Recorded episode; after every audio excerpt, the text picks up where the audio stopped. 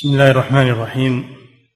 الحمد لله رب العالمين والصلاة والسلام على نبينا محمد وعلى آله وأصحابه أجمعين. أما بعد قال المؤلف رحمه الله تعالى باب القراءة والصلاة على رسول الله صلى الله عليه وسلم فيها. بسم الله الرحمن الرحيم. الحمد لله والصلاة والسلام على رسول الله. على آله وأصحابه أجمعين. القراءة يعني في صلاة في الصلاة على الجنازة. القراءة يعني قراءة الفاتحة. الصلاة على الجنازة.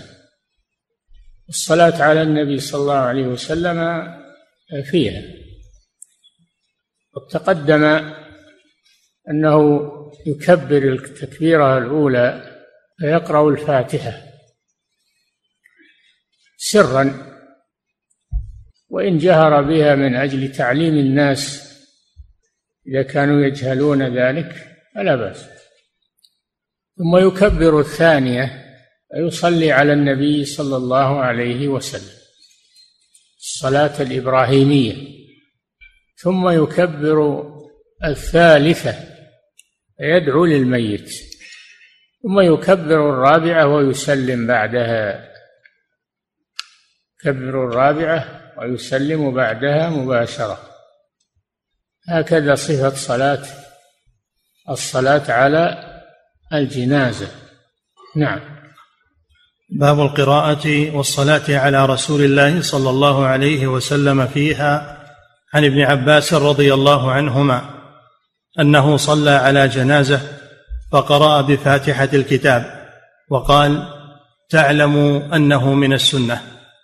رواه البخاري وأبو داود والترمذي وصححه والنسائي وقال فيه فقرأ بفاتحة الكتاب وسورة وجهر فلما فرغ قال سنة وحق. نعم هذا ابن عباس رضي الله تعالى عنهما صلى بالناس على جنازة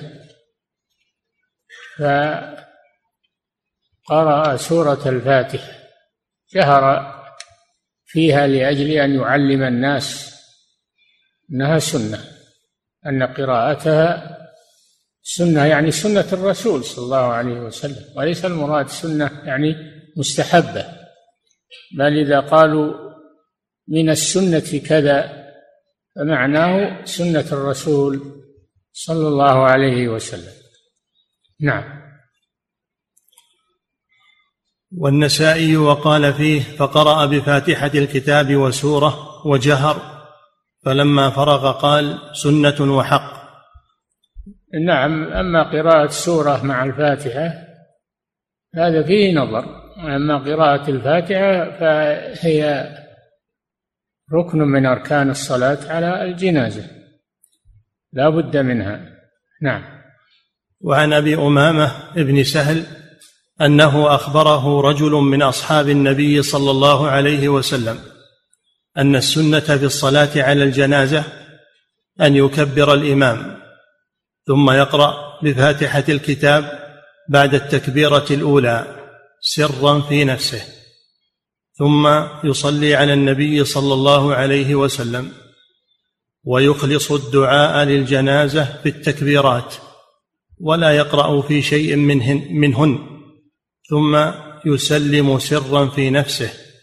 رواه الشافعي في مسنده. نعم وهذا أيضا فيه أن الفاتحة تقرأ في الصلاة على الجنازة بعد تكبيرها الأولى. ثم يكبر الثانية ويصلي على النبي صلى الله عليه وسلم.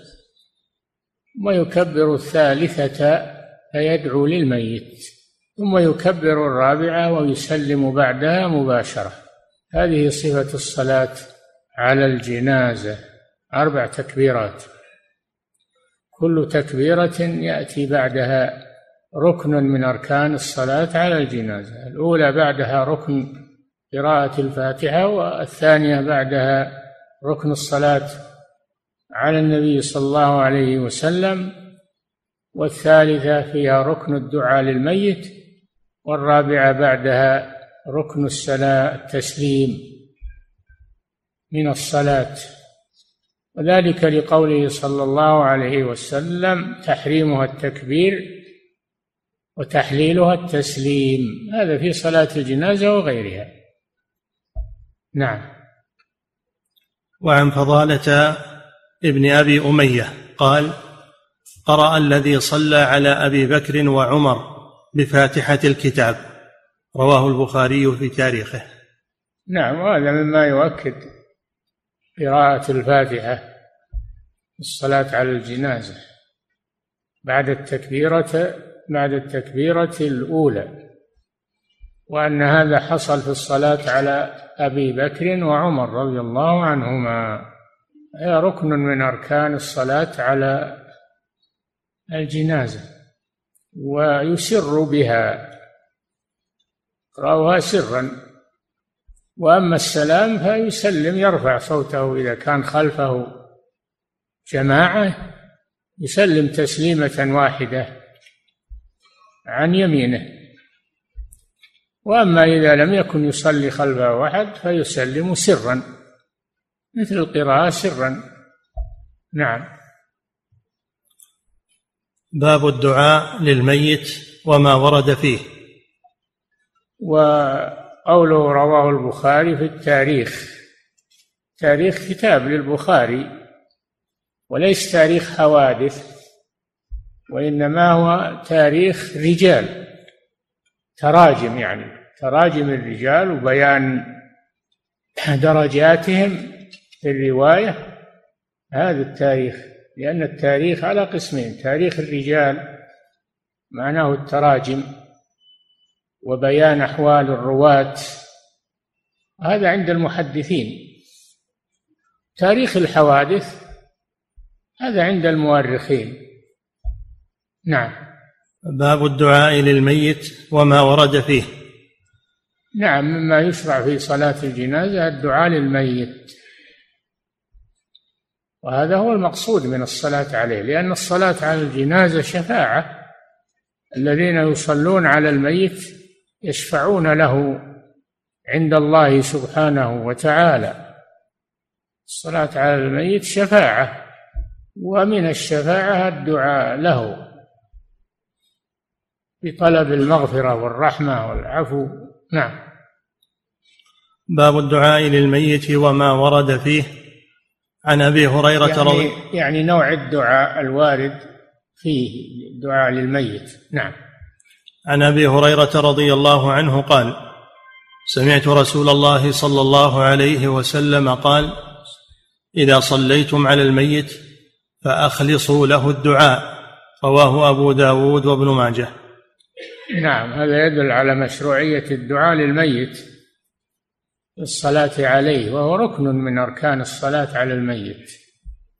لا يترك ويخلص في الدعاء له يجتهد في الدعاء له بأن يغفر الله له وأن يرحمه وأن يعفو عنه. فيجتهد المصلي اختيار الدعوات المناسبة للميت ويتحرى ما ورد عن الرسول صلى الله عليه وسلم في ذلك. نعم. وعن أبي هريرة رضي الله عنه قال كان رسول الله صلى الله عليه وسلم إذا صلى على جنازة قال اللهم اغفر لحينا وميتنا وشاهدنا وغائبنا وصغيرنا وكبيرنا وذكرنا وأنثانا اللهم من احييته منا فأحيه على الإسلام ومن توفيته منا فتوفه على الإيمان. رواه أحمد والترمذي ورواه أبو داود وابن ماجه وزاد. اللهم لا تحرمنا أجره ولا تضلنا بعده. نعم هذا بيان الدعاء الذي يقال في الصلاة على الميت.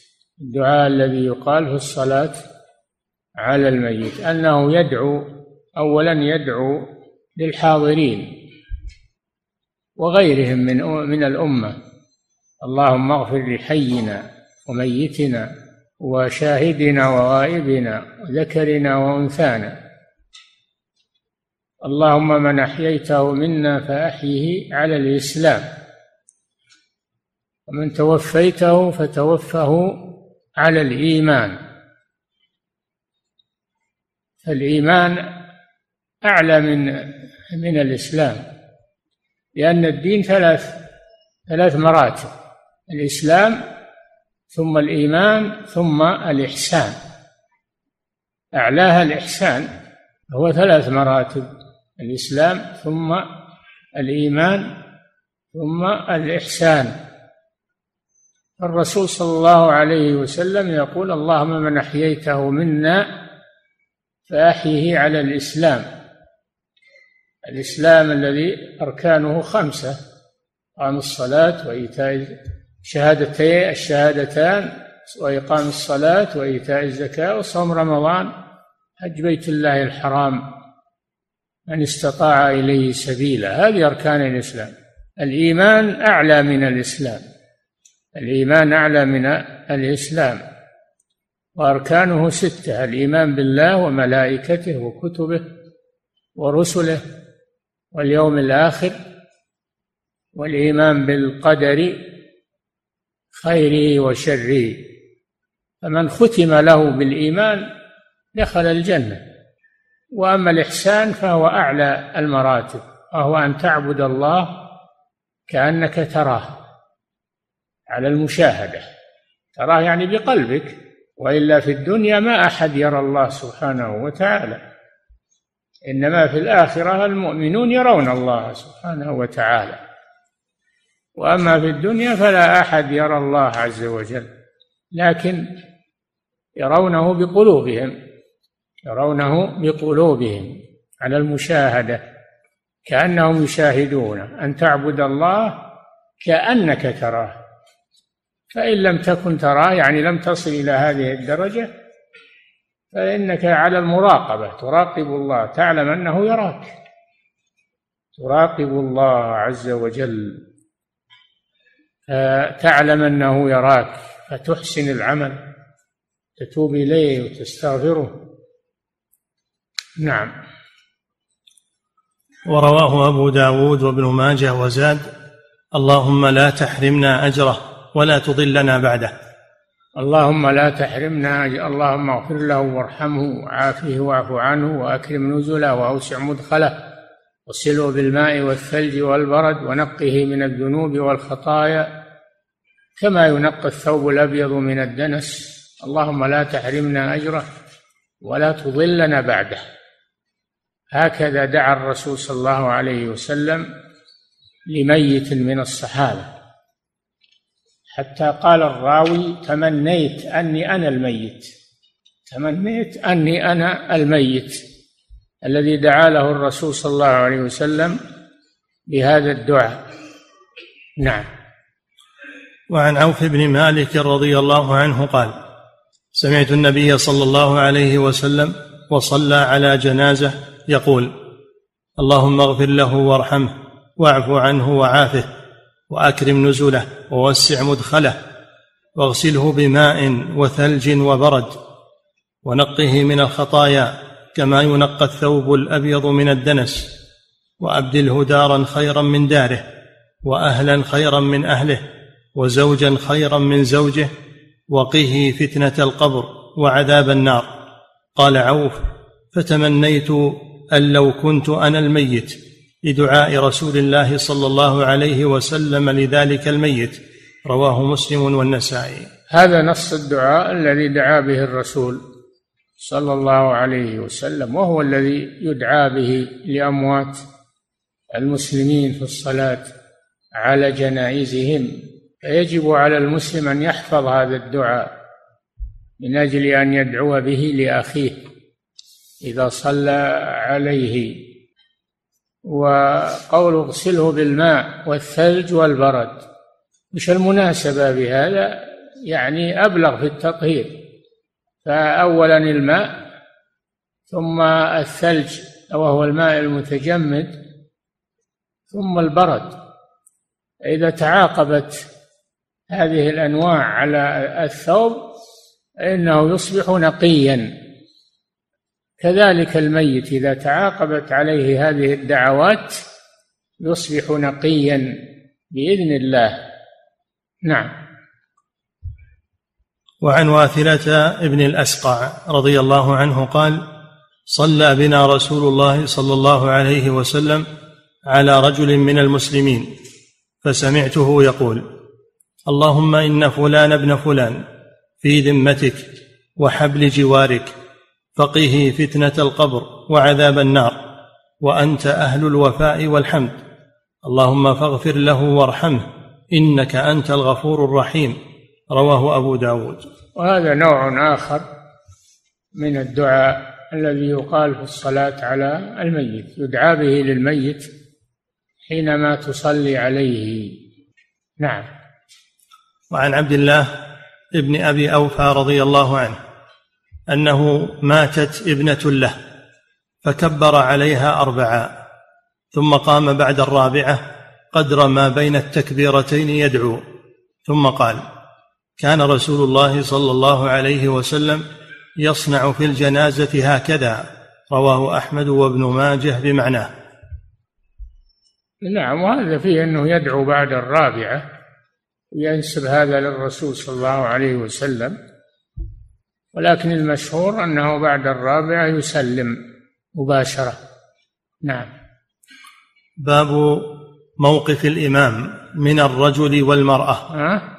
باب موقف الإمام من الرجل والمرأة وكيف يصنع إذا اجتمعت أنواع. نعم. هذه الترجمة فيها مسائل. موقف الإمام حينما يصلي على امرأة. وموقف الإمام حينما يصلي على رجل. وإذا اجتمعت جنائز وصلي عليها جميعا فأيهما يكون مما يلي الإمام؟ ثلاث مسائل. نعم. باب. باب موقف الإمام من الرجل والمرأة. والموقف الإمام حينما يصلي على الرجل يكون حذاء رأسه حذاء رأس الميت الرجل. إذا صلى على امرأة فإنه يقف محاذيا لوسطها محاذيا لوسطها. وإذا اجتمعت جنائز فإنها تصف أمامه ويكون الرجال هم الذين يلون الإمام ثم من بعدهم النساء ثم من بعدهم النساء. أولا الرجال ثم الصبيان ثم النساء. نعم. باب موقف الإمام من الرجل والمرأة وكيف يصنع إذا اجتمعت أنواع. عن سمرة رضي الله عنه قال صليت وراء رسول الله صلى الله عليه وسلم على امرأة ماتت في نفاسها. فقام عليها رسول الله صلى الله عليه وسلم في الصلاة وسطها. رواه الجماعة. ماتت في نفاسها يعني ماتت في ولادتها. ماتت بسبب الولادة. نعم. فقام عليها رسول الله صلى الله عليه وسلم في الصلاة وسطها رواه الجماعة. وعن وسطها. هذا موقف الرجل من موقف الإمام من المرأة إذا صلى عليها يقف محاذيا لوسطها. نعم. وعن أبي غالب الخياط قال شهدت أنس بن مالك رضي الله عنه صلى على جنازة رجل فقام عند رأسه. فلم نعم. فلما رفعت أتي بجنازة امرأة فصلى عليها فقام وسطها. وفينا العلاء بن زياد العلوي. فلما رأى اختلاف قيامه على الرجل والمرأة قال يا أبا حمزة هكذا كان رسول الله صلى الله عليه وسلم يقوم من الرجل حيث قمت ومن المرأة حيث قمت؟ قال نعم رواه أحمد وابن ماجه والترمذي. نعم هذا يفصل موقف الإمام من جنازة الرجل والمرأة أنه يقف عند محاذيا لرأس الرجل ويقف محاذيا لوسط المرأة وسط سكون السين. وسط أما وسط فلا ما هو هو المقصود هنا. نعم. الوسط هو النقطة الوسط هو النقطة بين الطرفين. وأما الوسط فهو منتصف الشيء. نعم. رواه أحمد وابن ماجه والترمذي وأبو داود وفي لفظه فقال العلاء بن زياد يا أبا حمزة هكذا كان رسول يا أبا حمزة كنية أنس بن مالك رضي الله عنه خادم الرسول صلى الله عليه وسلم. أخبر أن هذا هو موقف الرسول صلى الله عليه وسلم من الرجل وموقفه من المرأة. نعم. وأبو داود وفي لفظه فقال العلاء بن زياد يا أبا حمزة هكذا كان رسول الله صلى الله عليه وسلم يصلي على الجنازة كصلاتك يكبر عليها أربعا ويقوم عند رأس الرجل وعجيزة المرأة قال نعم. نعم هذا أنس بن مالك أبو حمزة رضي الله عنه يسند هذا إلى الرسول صلى الله عليه وسلم. وقوف عند رأس الميت الصلاة عليه والوقوف عند وسط المرأة في الصلاة عليها. نعم. وعن عمار مولى الحارث بن نوفل قال حضرت جنازة صبي وامرأة فقدم الصبي مما يلي القوم. هذا إذا اجتمعت جنائز يقدم الرجال ثم النساء أمام الإمام. حتى الصبي يقدم على المرأة لأنه ذكر. نعم. قال حضرت جنازة صبي وامرأة فقدم الصبي مما يلي القوم. ووضعت المرأة وراءه فصلي عليهما. وفي القوم أبو سعيد الخدري وابن عباس وأبو قتادة وأبو هريرة فسألتهم عن ذلك فقالوا السنة. رواه النسائي وأبو داود.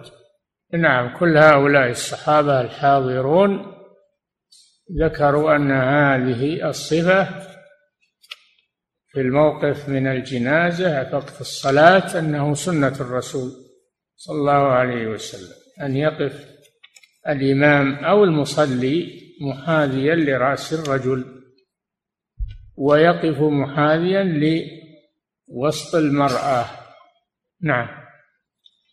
وعن عمار أيضا أن أم كلثوم بنت علي وابنها زيد بن عمر أخرجت, جناز أخرجت جنازتهما فصلى عليهما أمير المدينة فجعل المرأة بين يدي الرجل وأصحاب رسول الله صلى الله عليه وسلم يومئذ كثير وثم الحسن والحسين.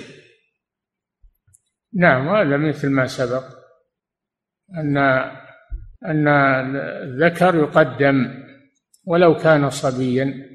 ويجعل مما يلي الإمام ثم خلفه المرأة. نعم. وعن الشعبي أن أم كلثوم بنت علي وابنها زيد بن عمر توفيا جميعا. أم كلثوم بنت علي بن أبي طالب كانت زوجة لعمر بن الخطاب رضي الله عنه وولدت منه مولودا. وماتوا جميعا ماتت المرأة ومات طفلها فقدم الطفل. نعم. وعن الشعبي أن أعده وعن الشعبي أن أم كلثوم بنت علي وابنها زيد بن عمر توفيا جميعا فأخرجت جنازتهما فصلى عليهما أمير المدينة فسوى بين رؤوسهما وأرجلهما حين صلى عليهما. رواه سعيد في سننه. نعم أمير المدينة هو هو من بني أمية يعني هو مروان بن الحكم. وفيه أن الأمير يتولى الإمامة إذا حضر يتولى الإمامة إذا حضر. نعم. وعن الشعبي أن أم كلثوم بنت علي وابنها زيد بن عمر توفيا جميعا فأخرجت جنازتهما فصلى عليهما أمير المدينة فسوى بين رؤوسهما وأرجلهما حين صلى عليهما. رواه سعيد في سننه. نعم يعني آه، سوى بين رؤوسهما وأرجلهما يعني أنهما يجعلان متحاذيان أمام الإمام. رؤوسهم متحاذية وأرجلهم متحاذية. نعم. باب الصلاة باب الصلاة على الجنازة في المسجد. نعم. كانوا في الغالب يصلون على الجنائز في مصلى خاص بالجنائز مصلى يسمونه مصلى الجنائز. هذا في الغالب. وأحيانا يصلون على الجنازة في المسجد. يدخلونها المسجد ويصلون عليها. كلا الأمرين لا بأس به. نعم. باب الصلاة على الجنازة في المسجد. عن عائشة رضي الله عنها أنها قالت لما توف أنها قالت لما توفي سعد بن أبي وقاص أدخلوا به المسجد حتى أصلي عليه فأنكروا ذلك عليها. لأنهم كانوا العادة يصلون على الجنائز خارج المسجد. فلما توفي سعد رضي الله عنه أمرت أم المؤمنين عائشة أن يدخل المسجد ويصلى عليه في المسجد. فكأنهم استنكروا ذلك لأنهم كانوا بالغالب يصلون على الجنائز خارج المسجد. نعم. فأنكروا ذلك عليها فقالت والله لقد صلى رسول الله صلى الله عليه وسلم على ابني بيضاء في المسجد سهيل وأخيه رواه مسلم. ذكرت لهم سنة الرسول صلى الله عليه وسلم وانه صلى على ابني بيضاء. أخوان ماتا صلى عليهما رسول الله صلى الله عليه وسلم في المسجد. دل هذا على جواز إدخال الجنازة في المسجد والصلاة عليها في المسجد. نعم. وفي رواية ما صلى رسول الله صلى الله عليه وسلم على سهيل بن بيضاء إلا في جوف المسجد. رواه الجماعة إلا البخاري. نعم. وعن عروه الجماعة المراد بهم أصحاب السنن أصحاب الصحيحين والسنن الأربع. أحيانا يقول رواه الستة رواه الستة. وإذا كان معهم الإمام أحمد يقال السبعة رواه السبعة. نعم. وعن عروة قال صلي على أبي بكر في المسجد. نعم صلي على الخليفة الراشد أبي بكر رضي الله عنه لما توفي صلي عليه في المسجد. هذا دليل على أنه لا بأس الصلاة على الجنازة في المسجد. نعم. وعن عروة قال صلي على أبي بكر في المسجد. وعن ابن عمر قال صلي على عمر في المسجد. رواهما سعيد. وروى الثاني مالك. سعيد بن منصور يعني في سننه نعم. رواهما سعيد. وروى الثاني مالك أبواب حمل نعم فدل على أنه يصلى على الجنائز في المسجد وخارج المسجد. لا بأس بذلك. والعمل الآن كله على النوع الثاني يصلى على الجنائز في المساجد. ولا بأس بذلك. ولم ينكره أحد. نعم. أبواب حمل الجنازة والسير بها. كيف تحمل الجنازة على الأعناق إلى المقبرة؟ وكيف السير بها سريع ولا ما هو سريع؟ نعم. أبواب حمل الجنازة والسير بها عن ابن مسعود رضي الله عنه قال من اتبع جنازة فليحمل بجوانب السرير كلها. نعم أفضل أنه يحمل بجوانب السرير كلها بالقوائم قوائم السرير. يحمل بواحدة ثم ينتقل إلى الثانية ثم ينتقل إلى الثالثة ثم ينتقل إلى الرابعة. هذا أفضل. نعم. عن ابن مسعود قال من اتبع جنازة فليحمل بجوانب السرير كلها فإنه من السنة. ثم من السنة إذا قال الصحابة أو غيرهم من السنة كذا. المراد به سنة الرسول صلى الله عليه وسلم. وليس المراد بالسنة المستحب كما عند المتأخرين. يطلقون السنة على الشيء المستحب.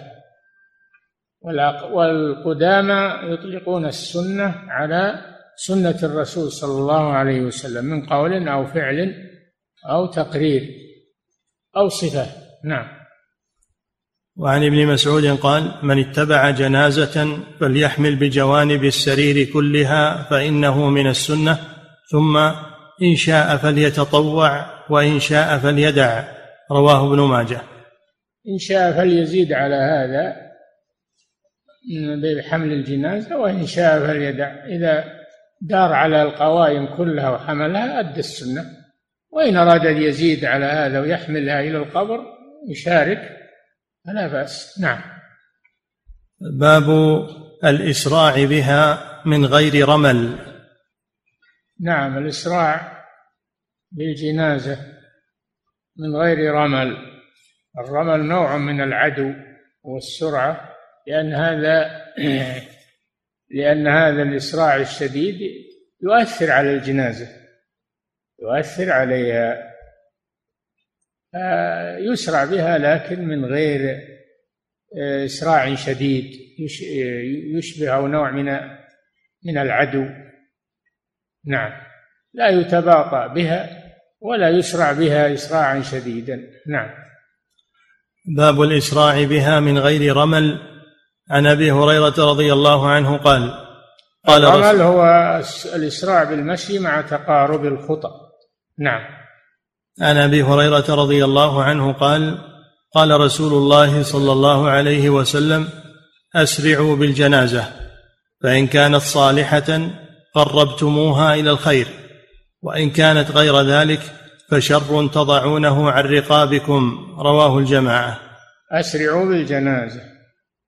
فإن كانت صالحة فخيرا تقدمونها إليه. وإن تك غير صالحة فشر تضعونه عن رقابكم. الإسراع بالجنازة لا يخلو من الفائدة صالحة أو غير صالحة. نعم. وعن أبي موسى رضي الله عنه قال مرت برسول الله صلى الله عليه وسلم جنازة تمخض مخض الزق. نعم يسرعون بها تمخض يسرعون بها حتى إن الجنازة آه، يحصل عندها ارتجاج. نعم. مرت برسول الله صلى الله عليه وسلم جنازة تمخض مخض الزق فقال رسول الله صلى الله عليه وسلم عليكم القصد. رواه أحمد. القصد يعني في المشي لا إسراع شديد ولا تباطؤ. قصد التوسط يعني نعم. وعن أبي بكرة رضي الله عنه قال لقد رأيتنا مع رسول الله صلى الله عليه وسلم وإنا لنكاد نرمل بالجنازة رملا رواه أحمد والنسائي. نكاد نرمل بالجنازة والرمل هو الإسراع مع تقارب الخطى فدل على الإسراع بالجنازة لا يتباطأ بها لأنه إما خير تقدم إليه إن كانت صالحة ولا تحبس عنه وإن كانت غير ذلك يسلم الذين يحملونها من إثمها. شر تضعونه عن رقابكم. نعم. وعن محمود بن لبيد بن رافع قال أسرع النبي صلى الله عليه وسلم حتى تقطعت نعالنا يوم مات سعد بن معاذ. أخرجه البخاري في تاريخه. نعم هذا يؤكد ما سبق من طلب الإسراع بالجنازة. طلب الإسراع بالجنازة. الإسراع في تجهيزها والإسراع في حملها الإسراع في دفنها. نعم. ولا يتباطأ وتأخر الجنازة إلا إذا دعا الأمر إلى تأخيرها.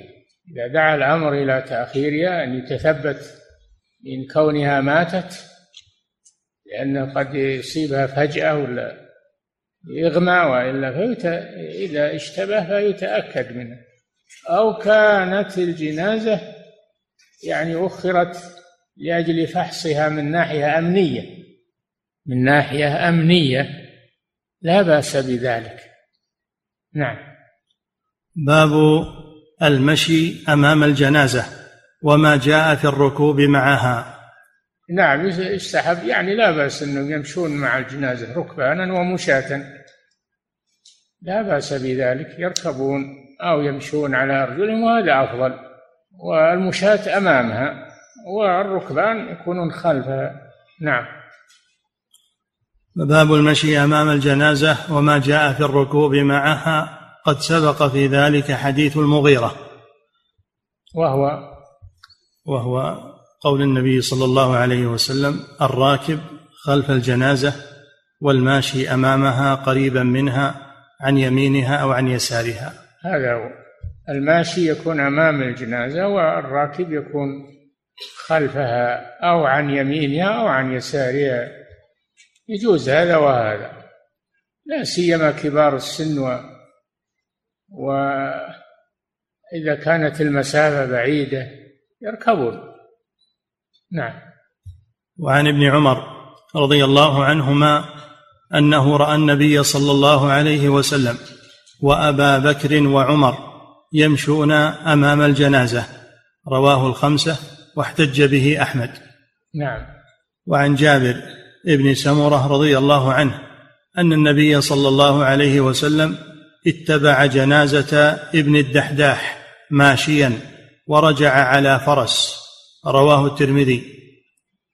نعم ماشيا. فدل على أن الأفضل أن يتبع الجنازة ماشيا لفعل الرسول صلى الله عليه وسلم. وأما وأما الرجوع فهو مخير إن شاء ركب وإن شاء مشى.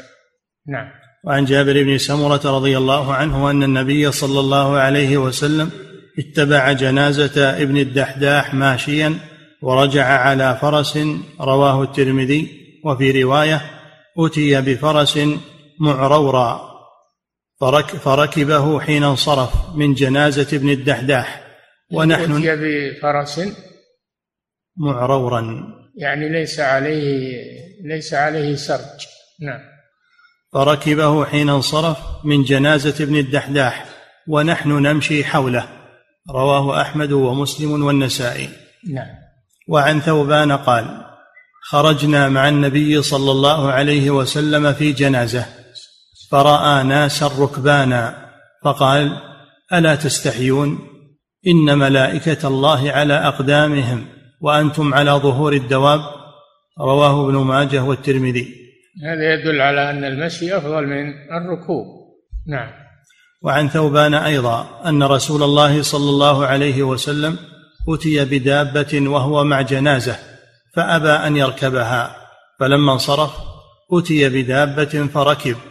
فقيل له فقال إن الملائكة كانت تمشي فلم أكن لأركب وهم يمشون. فلما ذهبوا ركبت. رواه أبو داود. مثل الأول مثل الذي قبله. نعم. باب يكفي باب إيش؟ باب ما يكره مع الجنازة من نياحة أو نار. نعم. يكفي نعم.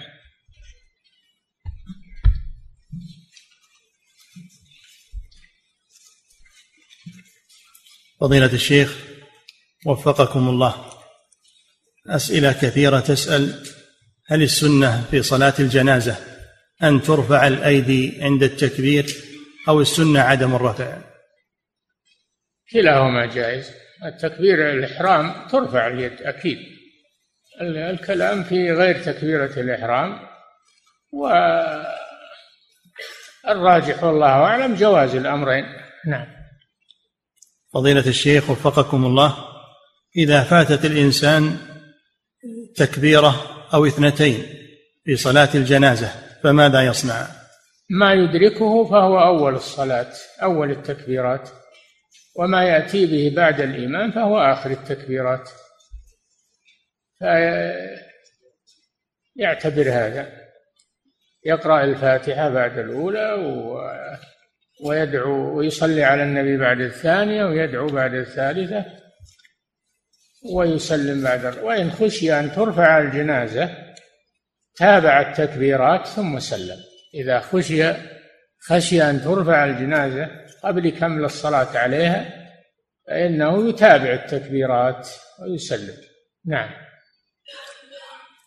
فضيلة الشيخ وفقكم الله إذا أطال الإمام بعد التكبيرة الرابعة فهل يشرع للمأموم أن يدعو؟ لا بأس بذلك. ولكن لا ينبغي للإمام أن يطيل بعد الرابعة أن يسلم. نعم. فضيلة الشيخ وفقكم الله هل هناك صيغة واردة عند الصلاة على الطفل؟ نعم يدعو لوالديه. يدعو لوالديه. يدعو الطفل يدعو لوالديه. وأن يجعله الله فرطا وأجرا وذخرا وشفيعا مجابا. اللهم ثقل به موازينهما وأعظم به أجورهما واجعله في كفالة إبراهيم. وقه عذاب الجحيم. هكذا ورد. نعم. فضيلة الشيخ وفقكم الله. يقول السائل صليت على جنازة خلف أحد طلبة العلم وكانت الجنائز كبارا وصغارا فلما أراد أن يكبر قال سوف أكبر خمس تكبيرات الرابعة تخصص للدعاء للصغار. فهل هذا من السنة؟ لا غير معروف هذا. غير معروف أنه يخص الصغار بتكبيرة. نعم. فضيلة الشيخ وفقكم الله. غير معروف أنه يكبر خمس معروف والمشهور أربع. نعم. فضيلة الشيخ وفقكم الله هل يشرع عند التسليم في صلاة الجنازة أن يسلم تسليمتين؟ إذا سلم تسليمتين فلا بأس وإلا فواحدة الواحدة لا بد منها. نعم. فضيلة الشيخ وفقكم الله من لا يعرف العربية هل يجوز له أن يدعو في صلاة الميت بلغته؟ إي نعم يدعو بلغته. الذي لا يعرف العربية يدعو بلغته. إلا القرآن فلا بد أن يقرأ القرآن بما بلغة القرآن. نعم. فضيلة الشيخ وفقكم الله في صلاة الجنازة بعد التكبير وعند قراءة الفاتحة وكذلك عند الدعاء. عند صلاة. عند صلاة الجنازة عند قراءة الفاتحة وكذلك عند الدعاء. هل السنة؟ أن يضع اليد اليمنى على اليسرى أم أنه يسدل لا يضعها اليمنى على اليسرى يقبض اليسرى باليمنى. هذه حالة الوقوف وهو واقف. نعم. فضيلة الشيخ وفقكم الله في حديث ابن عباس رضي الله عنهما لما جهر بالفاتحة في صلاة الجنازة وكذلك سمع الصحابة دعاءه هل يقال إنه إنما فعله لقصد التعليم. قاله هو قاله ابن عباس. قال لتعلموا أنها سنة يعني قراءة الفاتحة سنة الرسول صلى الله عليه وسلم. فإذا كان القصد من الجهر تعليم الناس هذا شيء طيب. نعم. فضيلة الشيخ وفقكم الله دعاء الاستفتاح هل هو مستحب في صلاة الجنازة؟ لم يرد لم يرد فيها استفتاح وإنما يكبر ويقرأ الفاتحة بعد التكبير. نعم. فضيلة الشيخ وفقكم الله هل يجوز للإنسان أن يجمع بين كل الأدعية الواردة في صلاة الجنازة أو يلفق من دعاء إلى دعاء آخر أو يقتصر على نوع محدد فقط؟ لا يقتصر على على الدعاء الشامل على الدعاء الشامل أشمل الأدعية وأكملها يدعو به ويكفي. ما يجمع بين الروايات. لا. نعم.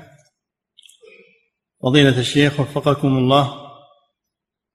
يقول السائل من مات له قريب في دولة أخرى ولم يستطع أن يحضر جنازته هل له أن يصلي عليه صلاة الغائب؟ عنده مسلمون صلوا عليه يدعو له يكفي. ما يصلى صلاة الغائب إلا على ذوي الشأن مثل العلماء مثل آه، أمراء المسلمين مثل من لهم شأن في الإسلام. صلى عليه صلاة الغائب. أما من لم يكن له شأن هذا يكفي الدعاء له. نعم. فضيلة الشيخ وفقكم الله. من دعاء النبي صلى الله عليه وسلم للميت وقيه فتنة القبر. يقول أليس المقصود بالفتنة؟ هو سؤال القبر فكيف ذلك؟ وما من أحد إلا سيسأل في قبره. هو يدعو يدعو الله أنه ما تسأله الملائكة. يدعو الله أنه ما يعذب لأنه إذا لم يجب بجواب صحيح يضرب بمرزبة من حديد. فيقال لا لا لا لا تلوت لا دريت ولا تلوت. فيضرب بمرزبة من حديد يسمعها كل شيء إلا الإنسان. ولو سمعها الإنسان لصعق يعني لمات. نعم. فضيلة الشيخ وفقكم الله. هل إقامة الصفوف واجبة في صلاة الجنازة؟ اي نعم مثل صلاة آه، غير الجنازة. تقام الصفوف وتعدل والأفضل أن تتعدد الصفوف خلف يعني الصلاة على الميت الأفضل عدة صفوف أفضل من صف واحد. نعم. فضيلة الشيخ وفقكم الله يقول ما حكم الصلاة على الجنازة قبل الإمام؟ كمن يصلي على جنائز سيصلى عليها بعد العصر فيصلي هو قبل ذلك نظرا لسفره. هذا صدر فيه فتوى من من اللجنة الدائمة أنه أنه لا يجوز. لأن هذا افتيات على الإمام. تجي المسجد تصلي على الجنازة قبل الإمام. هذا افتيات على إمام المسجد. بعضهم يقول أبي أدرك الجنائز الثانية وأبي هذا هذا غير وارد. ما ورد أن الصحابة يركضون بين المساجد. إذا صليت على جنازة. واحدة يكفي. نعم. تتبعه. إذا كنت تريد زيادة الأجر اتبعها إلى المقبرة واحضر دفنها هذا أفضل من أنك تروح تناهض الصلاة وراء المساجد. نعم. فضيلة الشيخ وفقكم الله هل يقال بأن الصلاة على الجنازة في المصلى هي السنة وأما في المسجد فمباح؟ كلاهما جائز إن شاء الله. لا بأس بذلك. نعم. فضيلة الشيخ وفقكم الله هل يجوز السفر لأجل الصلاة على الميت؟ لا ما ورد هذا إلا إن كان قريب له يبي يحضر دفنه ويحضر من أقاربه فلا بأس. نعم. فضيلة الشيخ وفقكم الله يقول السائل ما الأفضل للمعتمر أن يصلي الجنازة أو يتم مناسك العمرة؟ إيه؟ ما الأفضل للمعتمر أن يصلي على الجنازة أو يتم مناسك العمرة. ما ما يمنعها الصلاة على الجنازة. ما تمنعه من إتمام مناسك العمرة. يصلي عليها ويحصل على الأجر ويكمل مناسك العمرة ولا تأخذ منه وقت. نعم. فضيلة الشيخ وفقكم الله يقول السائل في بلدنا نصلي نصلي على الجنازة ونكبر أربع تكبيرات لكن نسلم تسليمتين. وهذه هي عادة بلدنا. يقول هل لي أن أخالفهم في ذلك فأسلم تسليمة واحدة؟ لا لا تخالفهم. لا كلاهما جائز. نعم. فضيلة الشيخ وفقكم الله. يقول السائل ما الضابط في حضور دفن الميت لأجل حصول الإنسان على القيراط هل لا بد لأجل لأجل حصول المسلم على القيراط القيراط إيه. نعم. يقول هل لا بد من حضور الدفن كله؟ اي نعم. ويقف على قبره أيضا بعد الدفن. اللي يريد الكمال الأجر إيه، يصلي عليها ويتبعها ويحضر دفنها وبعد ما تدفن يقف على قبرها ويدعو لها ويستغفر لها ويدعو لها بالتثبيت. نعم. وش معجلك يا أخي؟ الحمد لله أنت على خير. نعم. ثم يقول حفظك الله يقول وإذا حضر إلى المقبرة بالسيارة لكنه لم ينزل منها فهل يتحصل على القراط؟ إن شاء الله نعم. لأنه حاضر الدفن سواء على السيارة أو أو على الأرض. نعم. فضيلة الشيخ وفقكم الله يقول هل ورد أن الأفضل أن تكون الصفوف على الميت ثلاثة صفوف؟ ما حددت ما حددت ولكن كل ما كثرت فهو أفضل. نعم. فضيلة الشيخ وفقكم الله يقول السائل اعتاد الناس في بلدنا أن يبكروا بإخراج الجنازة إلى المسجد ثم يقوم واحد منهم فيحدث الناس ويعظهم قبل الصلاة. فما صحة هذا العمل ومشروعيته؟ هذا العمل غير وارد. أنه يخاطب قبل صلاة الجنازة ويعظ الناس هذا غير وارد. نعم. فضيلة الشيخ وفقكم الله. بعضهم يمدح الميت يقول هذا فلان سوى كذا وسيرته كذا. كل هذا لا غير وارد. هذا من الإطراء ولا يجوز. نعم. فضيلة الشيخ وفقكم الله.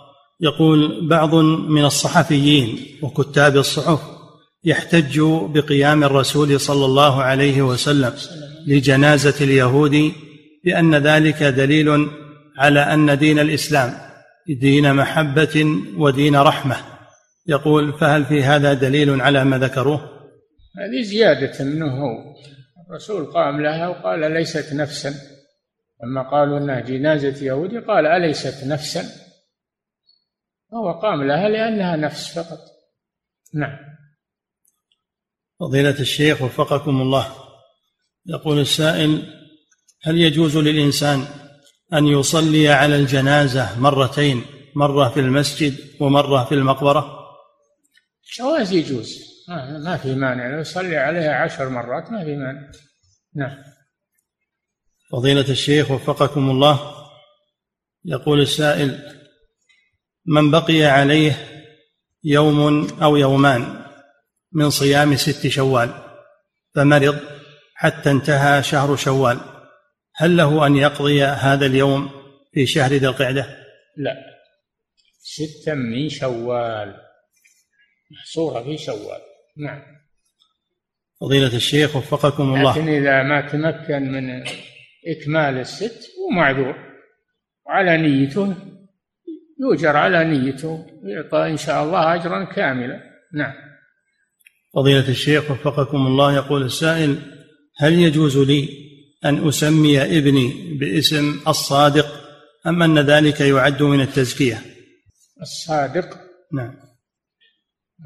هذا من أسماء الشيعة. هذه تزكية يعني. سمه محمد سمه خير الأسماء عبد الله وعبد الرحمن. خير الأسماء عبد الله وعبد الرحمن. نعم.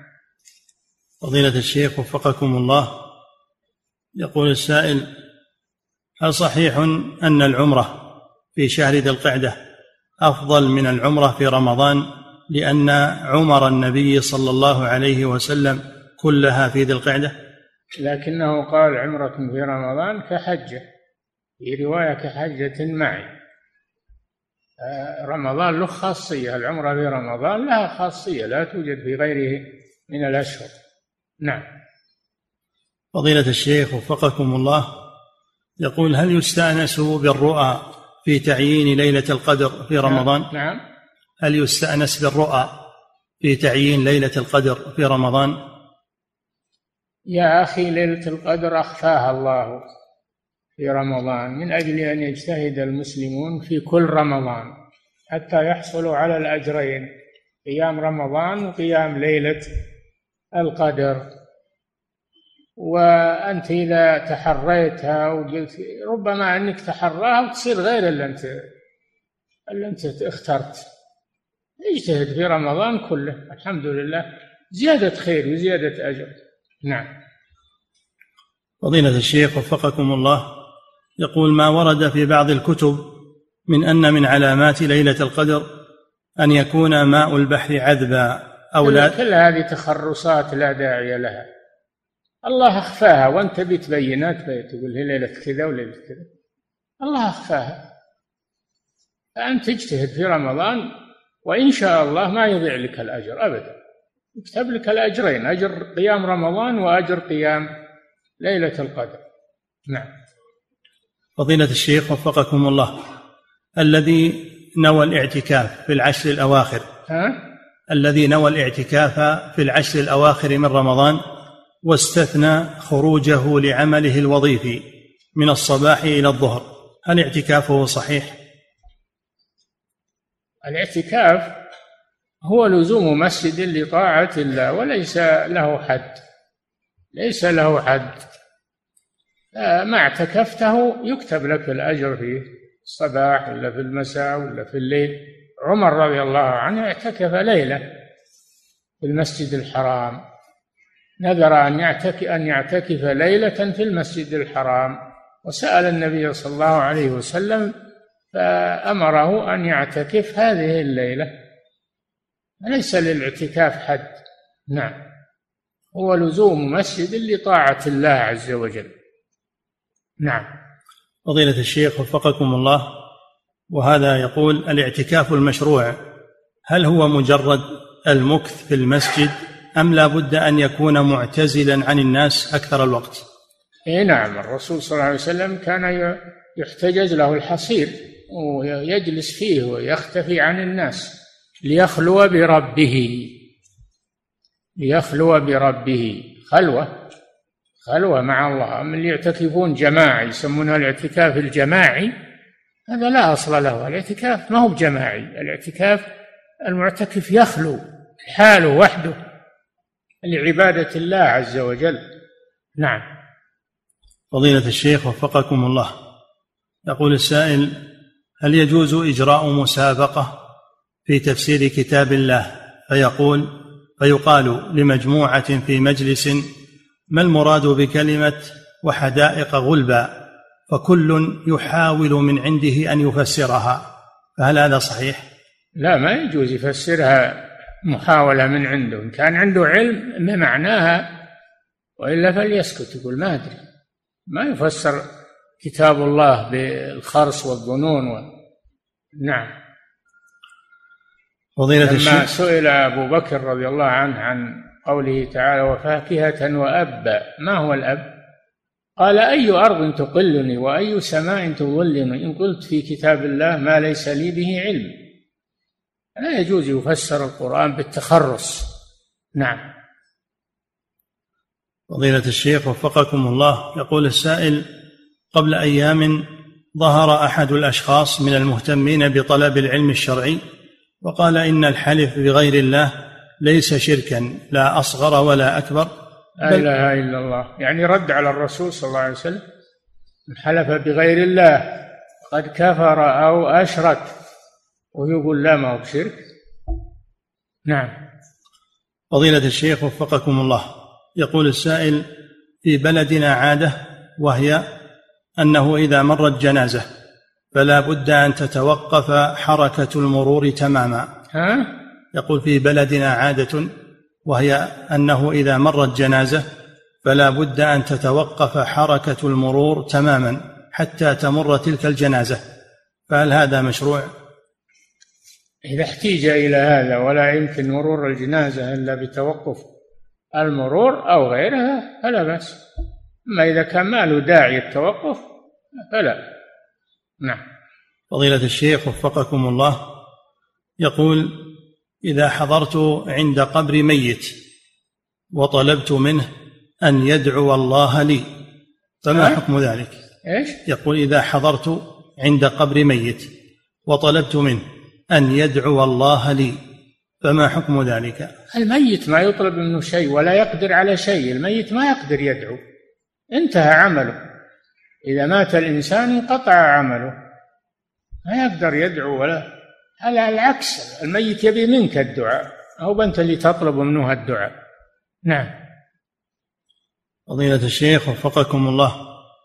يقول السائل هل تصح الدعوة إلى التوحيد والنهي عن الشرك بدون ذكر أسماء دعاة الشرك والبدع؟ نعم ذكر أسماءهم. إذا كان يترتب عليه ضرر ويترتب فلا تذكر أسماءهم لكن حذر من الشرك. أدعو إلى التوحيد وبين للناس.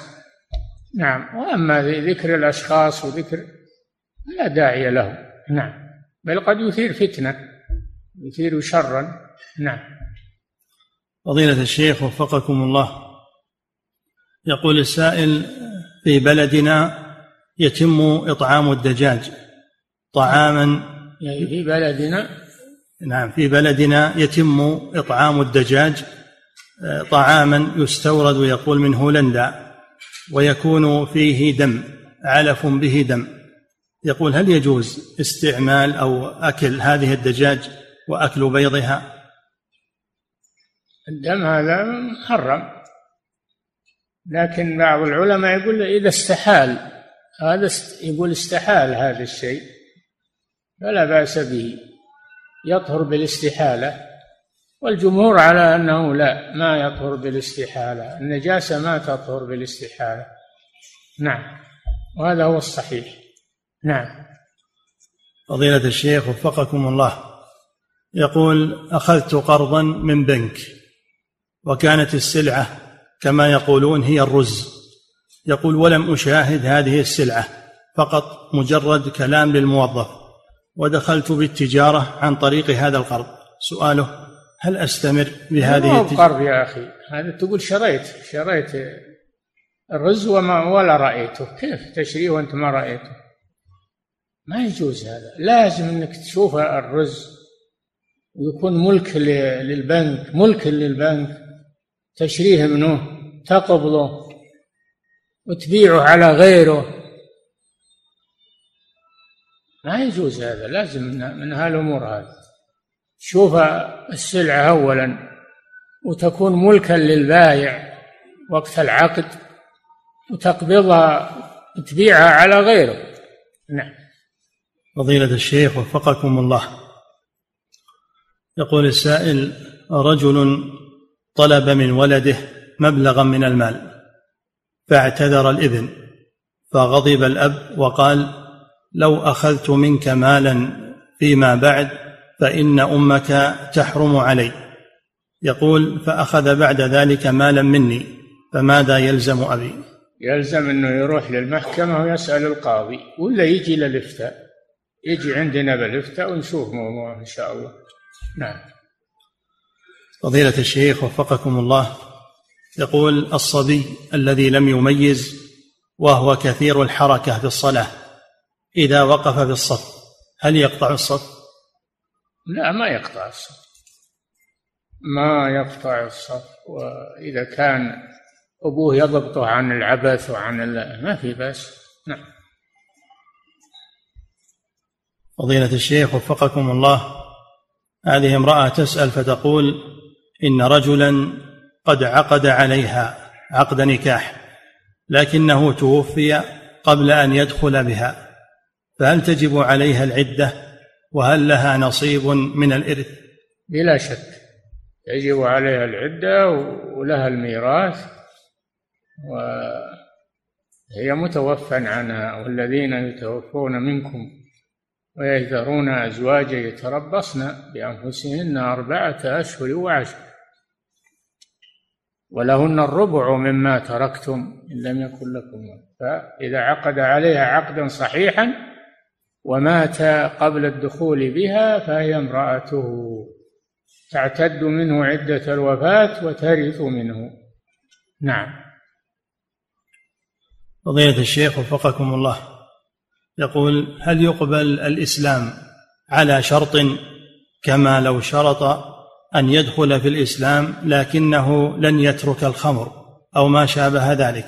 فهل هذا إسلامه صحيح؟ إسلامه صحيح لكن يترك الخمر يترك الخمر. وإذا شربه يقام عليه الحد. نعم. فضيلة الشيخ وفقكم الله يقول ما حكم الخروج على أقوال الأئمة الأربعة؟ فإذا كان هناك مسألة لم يقل بها أحد منهم فهل يجوز لي أن أقول بخلافهم؟ والله إذا صرت أكثر منهم علم وبلغت مرتبة أكثر منهم علم صرت مثل التابعين أو اتباع التابعين ما في بس أما إذا كنت مثلنا جاهل ولا تحسن فلا يسعك إلا التقليد واتباع الأئمة الأربعة. نعم. فضيلة الشيخ وفقكم الله يقول ما هو الأفضل بين الأذان والإقامة؟ نعم. يقول ما الأفضل بين الأذان والإقامة أن يقرأ الإنسان القرآن أم يدعو ويستغفر. كلاهما طيب إن قرأ القرآن فهو طيب وإن اقتصر على الدعاء والاستغفار فلا بأس. نعم. فضيلة الشيخ وفقكم الله هذه امرأة تسأل فتقول ما حكم راتب المرأة التي ألزمت بخلع حجابها لأجل العمل؟ لا. إذا كان العمل ما يحصل إلا بفعل محرم ما يجوز له هذا العمل. وخلع الحجاب محرم ما يجوز. نعم. فضيلة الشيخ وفقكم الله. يقول السائل إذا كان النظام يسمح للمشتري بأن يرجع السلعة بعد شرائها بمدة أسبوع فما حكم إرجاعها في هذه المدة؟ حتى ولو لم يرضى البائع ولكنه قبل لإجبار النظام له. على المسلمون على شروطهم. إذا أعطاه المدة هذه خيار معناه الخيار. خيار بين إمضاء البيع أو فسخه. فإذا اختار الفسخ فلا بأس بذلك. نعم. فضيلة الشيخ وفقكم الله هذا سائل من خارج هذه البلاد يقول في بلادنا تقوم الجامعات بالسماح للأحزاب المبتدعة كالشيوعية والصوفية بنشر أفكارها بين طلاب الجامعة. فيقوم بعض طلاب الجامعة من طلبة العلم بالرد عليهم داخل الجامعة ومناقشة شبهاتهم وبدعهم من باب الأمر بالمعروف والنهي عن المنكر. يقول هل هذا الفعل صحيح ومشروع؟ هو مشروع ما في شك بيان الحق ورد الباطل مشروع في الجامعة وفي غيرها لكن إذا لم يترتب عليه ضرر أكبر نعم. فضيلة الشيخ وفقكم الله يقول السائل هل يجوز دفع الزكاة لرجل عليه دين وقد أدخل السجن بسبب دينه؟ إذا كان معسرا إذا كان مدينا معسرا ومطالبا بالدين فيسدد من الزكاة يعطى من الزكاة ما يسدد به دينه. نعم. فضيلة الشيخ وفقكم الله يقول السائل ما حكم استعمال العادة السرية؟ حرام. حرام شديد التحريم. وفيها ضرر صحي وطبي أيضا. لا يجوز استعمال العادة السرية. قوله تعالى والذين هم لفروجهم حافظون إلا على أزواجهم أو ما ملكت أيمانهم فلم يبح الاستمتاع إلا بالزوجة أو ملك اليمين. وما عدا ذلك فمن ابتغى وراء ذلك فأولئك هم العادون أي المتجاوزون من الحلال إلى الحرام. نعم. فضيلة الشيخ وفقكم الله. يقول السائل أخذت, أخذت قرضا ربويا من البنك وكنت جاهلا بالحكم فلما عرفت الحكم قد ثبت وثبت في ذمتي هذا القرض. يقول هل يجب علي السداد أم ماذا أصنع؟ هذا راجع لمطالبتهم إذا طالبوك به وألزموك به تسدده لهم بموجب العقد الذي بينك وبينهم. ولا تستعمل هذا المال. تتصدق به. لا تستعمله. وهو أتاك عن طريق الربا. لا تستعمله. تصدق به. أو تخلص منه على الأصح. نعم. فضيلة الشيخ وفقكم الله. يقول السائل ما حكم من يدعو الناس إلى التوحيد وإلى عبادة الله وحده؟ لكنه في الخلوات يشاهد المحرمات. هل يعتبر منافقا بهذا الفعل؟ يعني يشرك في الخلوات؟ لا. إيه؟ أما أنه يفعل ذنب دون الشرك فهذا ما ما حد يسلم من الذنوب. ما حد يسلم من الذنوب ولكن يتوب إلى الله عز وجل ويبادر بالتوبة. نعم. فضيلة الشيخ وفقكم الله. يقول السائل أذهب إلى محافظة حريملاء أسبوعيا وأجلس في مزرعة وأسمع الأذان من المسجد. هل يجوز لي أن أصلي في مزرعتي قصرا وجمعا مع زملائي ونحن كثر أم يجب علي أن أجيب النداء؟ إذا كانت حريملاء بلد لك آه، إنه ما لك قصر وجمع فيها في بلدك. أما إذا كانت ما هي بلد لك تذهب إليها للاستراحة تسمعون النداء وتقدرون على الحضور. قرب يعني تسمعون النداء لو كان بصوت غير مكبر الصوت تسمعونه يلزمكم الحضور. سمع النداء ولم يأته فلا صلاة له إلا من عذر. فإذا أمكنكم حضور النداء يجب عليكم الحضور. إذا كان تسمعونه بدون مكبر صوت. أما مكبر الصوت هذا تسمعه من بعيد مسافة بعيدة. نعم. فضيلة الشيخ وفقكم الله هذا سائل من بريطانيا يقول في الأعوام الأخيرة الصيف عندنا يكون النهار طويلا فيكون بين المغرب والفجر أربع ساعات فقط. يقول كيف الصيام في هذه الحال؟ البلد التي يمر خلال 24 ساعة يمر بها ليل ونهار يجب صيام النهار والإفطار بالليل ولو قصر الليل وطال النهار أو العكس. اللي خلال 24 ساعة يمر بها ليل ونهار يلزم الصيام النهار والإفطار بالليل. نعم.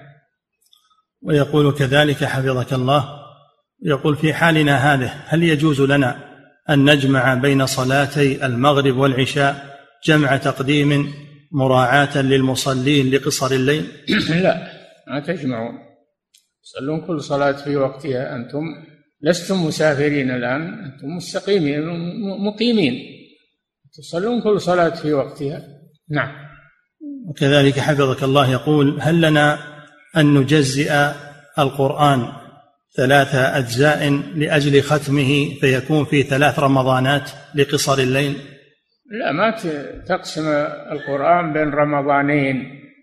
رمضان هالسنة ورمضان العام القادم. لا ما, ما تقسم بينهم. تقرأ من القرآن ما تيسر. في رمضان إن أمداك على الختم تختم وما أمداك على الختم الحمد لله. ما هو بلازم. نعم. فضيلة الشيخ وفقكم الله يقول السائل يقول أنا من منطقة نجران وانتقلت إلى الرياض لأجل عملي فيها مع وجود بيتي وأقاربي في نجران. سؤاله عند عودتي إلى نجران